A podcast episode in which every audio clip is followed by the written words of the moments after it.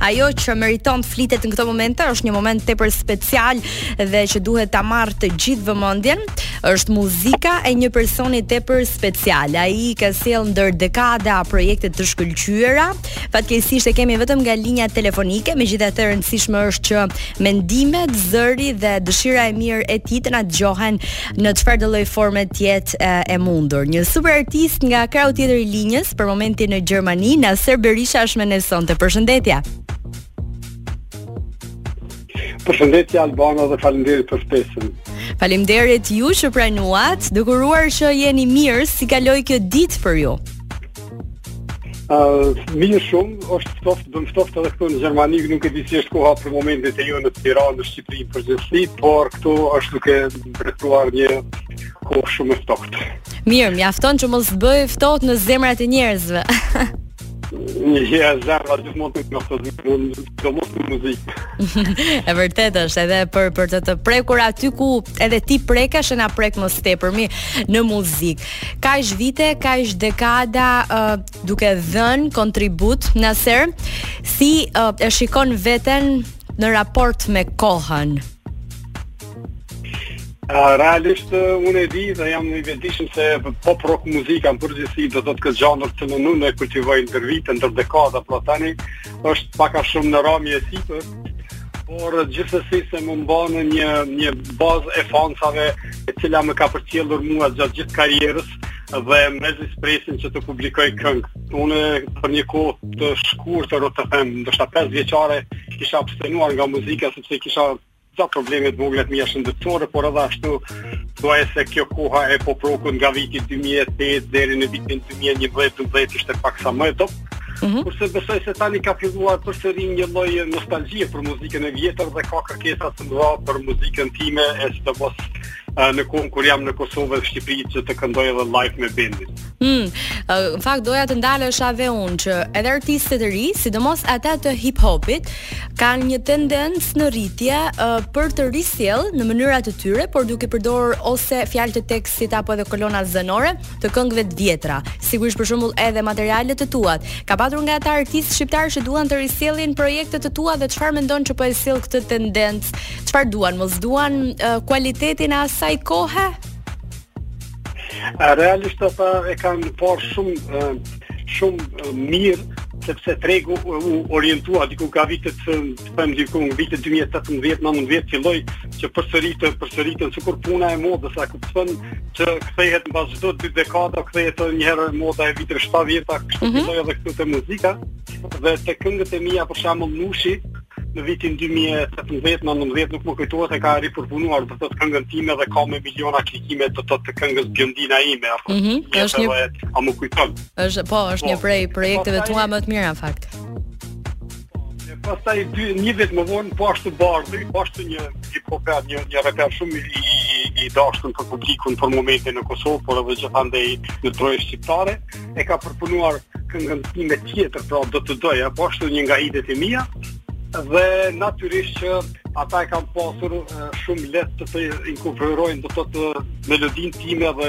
refrenet e këngës në në zhanrin e ri hip hop por të them të drejtën se edhe unë pak a shumë ia kam parë hajrin sepse natyrisht për gjeneratat e reja ju ka janë kthyer dhe kanë dëgjuar edhe origjinalin e për mua do të mhm. thotë se nuk kjo një lloj motivimi. Meqë përmende Bardhin dhe është vërtet një prej artistëve më në zë të momentit, por muzika siç e di ti vetë është edhe goxha investim.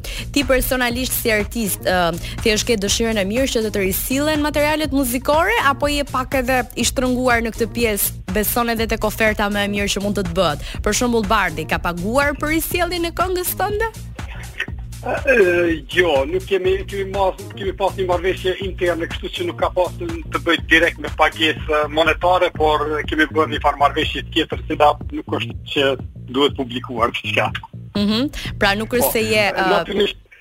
Jo, nuk kam kërkuar, nuk kam kërkuar para. Realisht në, normal që ka, ata e kanë reklamuar pastaj kanalin tim të YouTube-s në kanalin e tyre, kanë shti kë, linkun e këngës origjinale, këto kanë qenë mm -hmm. marrëveshje të vogla të cilat pastaj e kanë e kanë bërë atë anën pozitive, po ashtu edhe për kanalin tim YouTube, por edhe në gjitha platforma digjitale ku ku dëgjohet muzika ime në Spotify, iTunes edhe të tjera.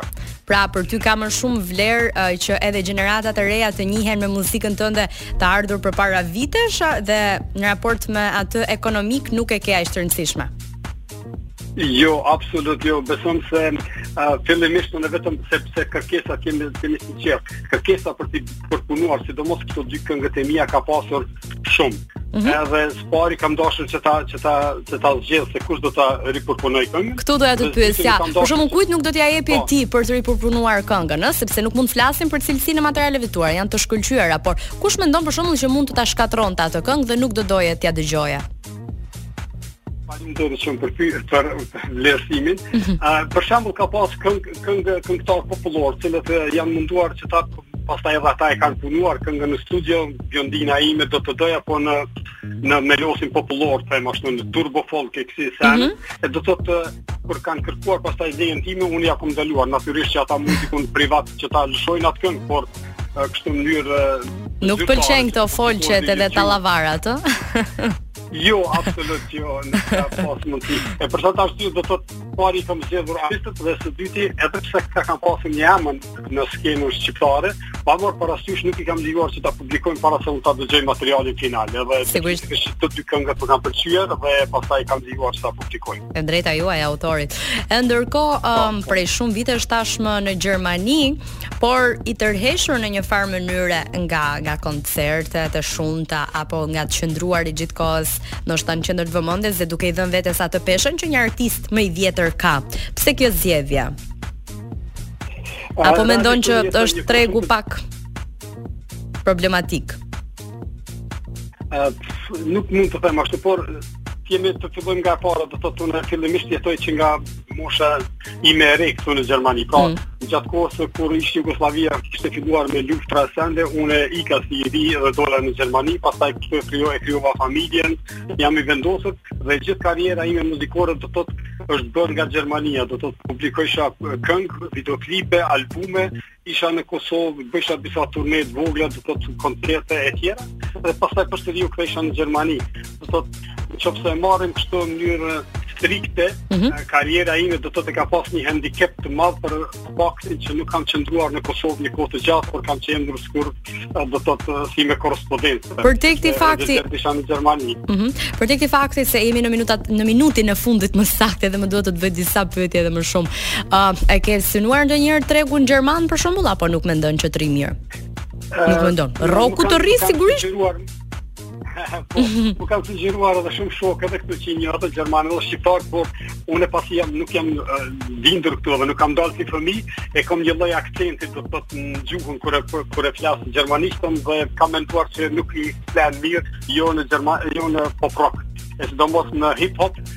ka shumë të huaj të cilët në mënyrë eksplicit, eksplicit e përdorin këtë theksin e të huajve në mënyrë që të bëhen pak ma, ma interesant dhe ma in, por mm -hmm. po prapë besoj që kjo nuk i shkon dhe dhe unë nuk e kam provuar. Mirë, interesant dhe në fakt duket se je i tërhequr nga këto gjërat e masës, sa që nuk ëndërron për gjëra që i mendon që nuk të shkojnë. Pyetja e po. fundit, nga artistët shqiptarë, cili mendon që është një përfaqësues i denjë i gjeneratës, sepse ju që jeni pak